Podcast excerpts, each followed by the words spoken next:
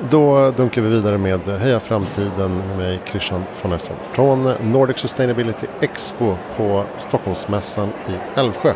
Sitter här med Fredrik Moberg, välkommen podden. Tack, det är roligt att vara här. Verksam vid eh, Stockholm Resilience Center och ett företag som heter Alba Eco. Kan du berätta lite eh, vad du gör? Du har lite 50-50 roller där. Ja, på Stockholm Resilience Center så är jag lite forskare men mest så jobbar jag med att se till att forskningen kommer till användning på olika sätt. Så både som kommunikationsrådgivare och hjälpa till med olika rapporter inriktade mot att påverka politiken och annat. Eh, och sen så jobbar jag med Alba Eko som eh, från början var en kommunikationspartner med Stockholm Resilience Center men nu är en egen organisation och vi är en ovanlig hybridorganisation. Vi är en ideell förening med näringsverksamhet.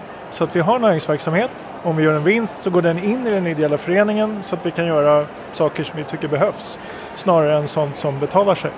Coolt. Och visst är Albeco involverade i eh, svensk kolinlagring också? Det är vi absolut.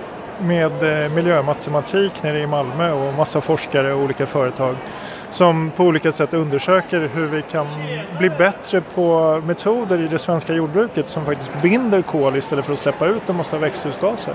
Så det är ett otroligt kul projekt och i gränslandet som jag gillar att vara mellan forskning, kommunikation, näringsliv och praktiska lösningar och teori. Det gillar jag. Och du har ju skrivit en bok som heter Den uppfinningsrika planeten som jag tyckte mycket om. Som handlar om eh, biomimicry eller biomikri, säger man det på svenska? Det är nästan svårt att säga på svenska och biomimetik säger en del, biomimik säger andra. Och jag vill helst säga biomimikry Eh, för att då påminner det mest om biomimicry det, som är liksom engelskans motsvarighet. Där man är noggrannare med att den smarta lösningen som kommer av inspiration från naturen blir också miljömässigt mer hållbar. Så att det, är inte bara, det är inte bara en smart lösning som förbättrar funktionen och löser ett problem som vi människor har utan gör det på ett hållbart sätt. Just det. Och där ringer du in lite definitioner också för biomimicry är alltså att hitta lösningar i naturen som redan finns och applicera dem på det vi håller på med på, eh, i mänskliga samhällen. Ehm, varför eh, ramlade du in och fascinerades av just det här eh, lilla jag säga, området, men det är ganska stort. Men det här begreppet, och vad var det som fångade intresset? Jag läste Bibeln på området utav Janine Benyus som är biolog och författare från USA. Hon skrev en bok 97.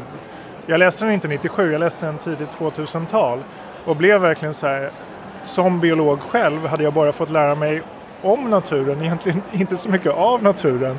Och hela den synvändan tyckte jag var fantastisk. Inte minst för att vi är så problemorienterade många gånger inom forskningen. Så det var kul att tänka hur kan vi se naturen inte bara som ett offer för människans kortsiktighet och girighet. Hur kan vi se den snarare som en mentor eller en musa för att vi ska kunna lösa våra problem på ett smartare och mer hållbart sätt.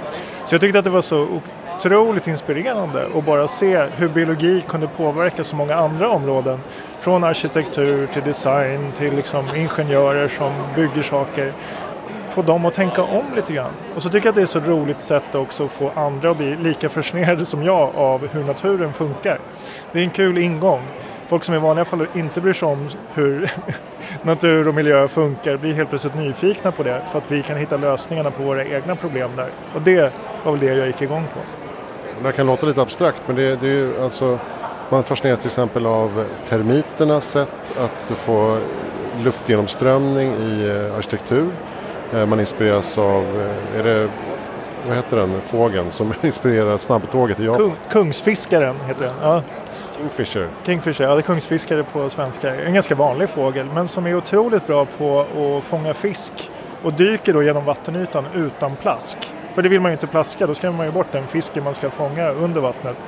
Och det där, eh, det fanns en chefsingenjör för de här japanska snabbtågen som han var också fågelskådare och tänkte att det här borde jag ju kunna efterlikna för att göra ett tåg som både kan gå snabbare och som inte heller skapar en ljudbang. För det skapades en ljudbang när det här snabba tåget åkte genom tunnlar. När det kom ut hade det pressat så mycket luft framför sig så det smällde till när det kom ut ur tunneln. Och det där var ju förstås problematiskt både för folk som bodde i närheten och för djur som blev skrämda. Och då kunde man inte åka i lika snabb hastighet som man ville göra med det här tåget. Men genom att efterlikna då kungsfiskarens näbb så kunde man öka hastigheten med eh, 10 procent och minska energiförbrukningen med 15 procent. Så det blev mindre buller av med ett, ett miljöproblem och du kunde också använda mindre energi och bli mer energisnålt hela tåget. Det, låter som liksom sunt förnuft men det är, ju, det är ju lätt när man ser i efterhand att se varifrån inspirationen kommer. Men eh, kan man se det som att det här är en av dellösningarna till eh, de olika typer av utmaningar vi står inför? Att korsbefrukta olika vetenskapliga discipliner. Det, det måste ju vara nyckeln framåt. Nej, men jag tycker det och det är ju Många av de metoder som finns inom biomimikrin är ju någon sorts design thinking metoder som egentligen bara går ut på bra kreativa processer för att lösa komplexa problem. Och så lägger man till naturen som ett raster, som en inspirationskälla och också som ett sätt att bedöma om det man kommer fram till faktiskt är hållbart eller inte. Så då använder man naturen lite mer som ett mått på huruvida det blev hållbart, resultatet av det hela. Och jag har blivit förbluffad många gånger när vi gör det här med folk från helt andra ämnesområden, vilken typ av kreativitet det blir i rummet. Och bara det är ju häftigt i sig. Eh, att bara föra in en extra aspekt i ett kreativt rum där människor med olika bakgrunder helt plötsligt eh, börjar komma på idéer på en ny nivå. Liksom. Tänker utanför boxen, eh, liksom ett eh, uttryck som förstås är slitet, men jag tycker att det är faktiskt det som händer. Det man känner också när man läser boken är så här Fan vad smarta de är, de där djuren och växterna i naturen. Vad mycket vi har att lära oss. Det är intressant. Jag skriver bland annat om slemsvampen och, och djur som lever i kolonier som myror som ju inte är säkert smarta var och en i sig, men de blir smarta med deras liksom, kollektiva svärmintelligens för att evolutionen helt enkelt bara har mejslat ut ett smart beteende. Då är de ju ofta smarta inom ett väldigt litet spann. Liksom. Som den här slemsvampen jag skriver om. Den är ju väldigt bra på att hitta korta möjligaste väg till eh, en födokälla. Det är det enda den gör i stort sett.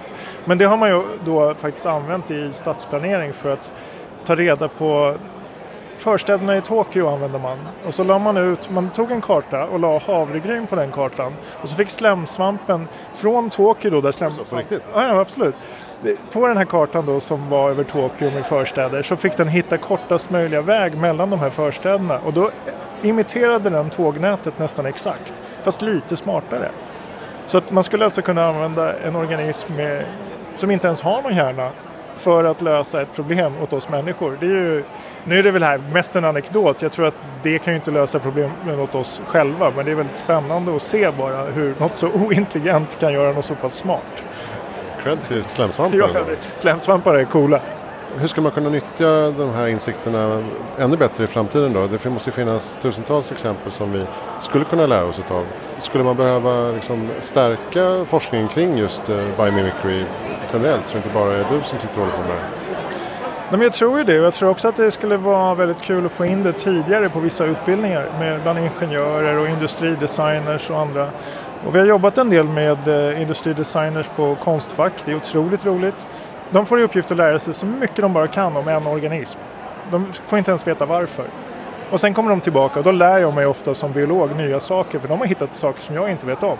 Och sen använder vi det liksom i en design thinking process där de ska lösa ett problem baserat på kunskapen av den här organismen.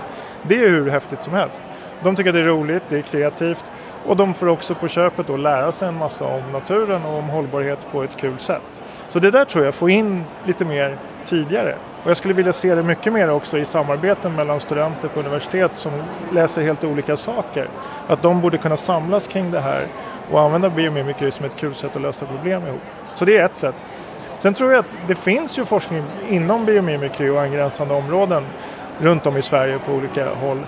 Men det finns inte så mycket samlat. Och det har vi försökt göra nu. Vi har gjort ett nordiskt center för biomimikry för att vi tycker att vi borde bli bättre på att lyfta de här frågorna i Norden inte minst. För det är ganska stort på många andra håll. Så det behövs någon sorts samlande kraft. Det tror jag. Coolt. Eh, vad är ditt bästa tips för världen bättre i framtiden? Oj, vilken stor svår fråga. Det här är så här, det skulle kunna bli en bok, eller hur? Du kanske frågar alla det nu. Jag ska göra en bok. Du ska? Ja. Mitt bästa tips? Nej, men eftersom jag pratar biomimikry så kanske är så här, lär dig mer om och av naturen. För då kommer du kunna bli smartare. Sen är det väl de här gamla vanliga sakerna att vi kanske måste tänka om vad gäller konsumtion.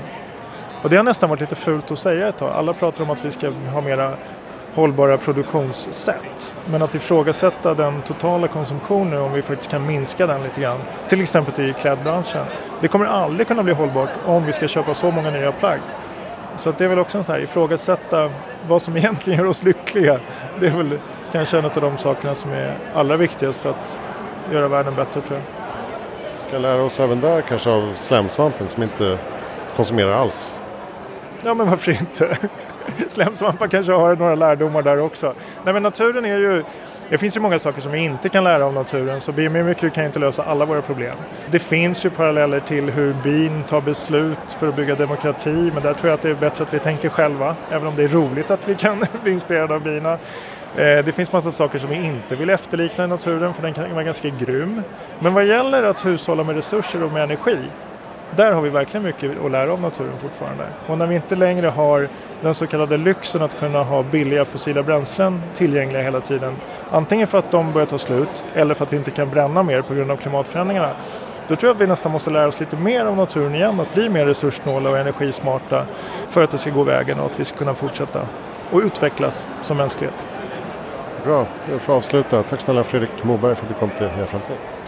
Tack. Kolla in Stockholms Resilience Center och eh, Alba Eko. Och eh, den uppfinningsrika planeten finns ju på Natur och kultur, eller? Natur och kultur var det som publicerade. Bra, den hittas där böcker hittas. Hejaframtiden.se, all information om eh, intervjupersoner och mina projekt med böcker, magasin, föreläsningar och bokförlaget som heter Heja Framtiden Förlag. Ehm, vi hörs nästa gång med något annat. Uti Christian von Essen från Nordic Sustainability Expo. Tack för att du lyssnade.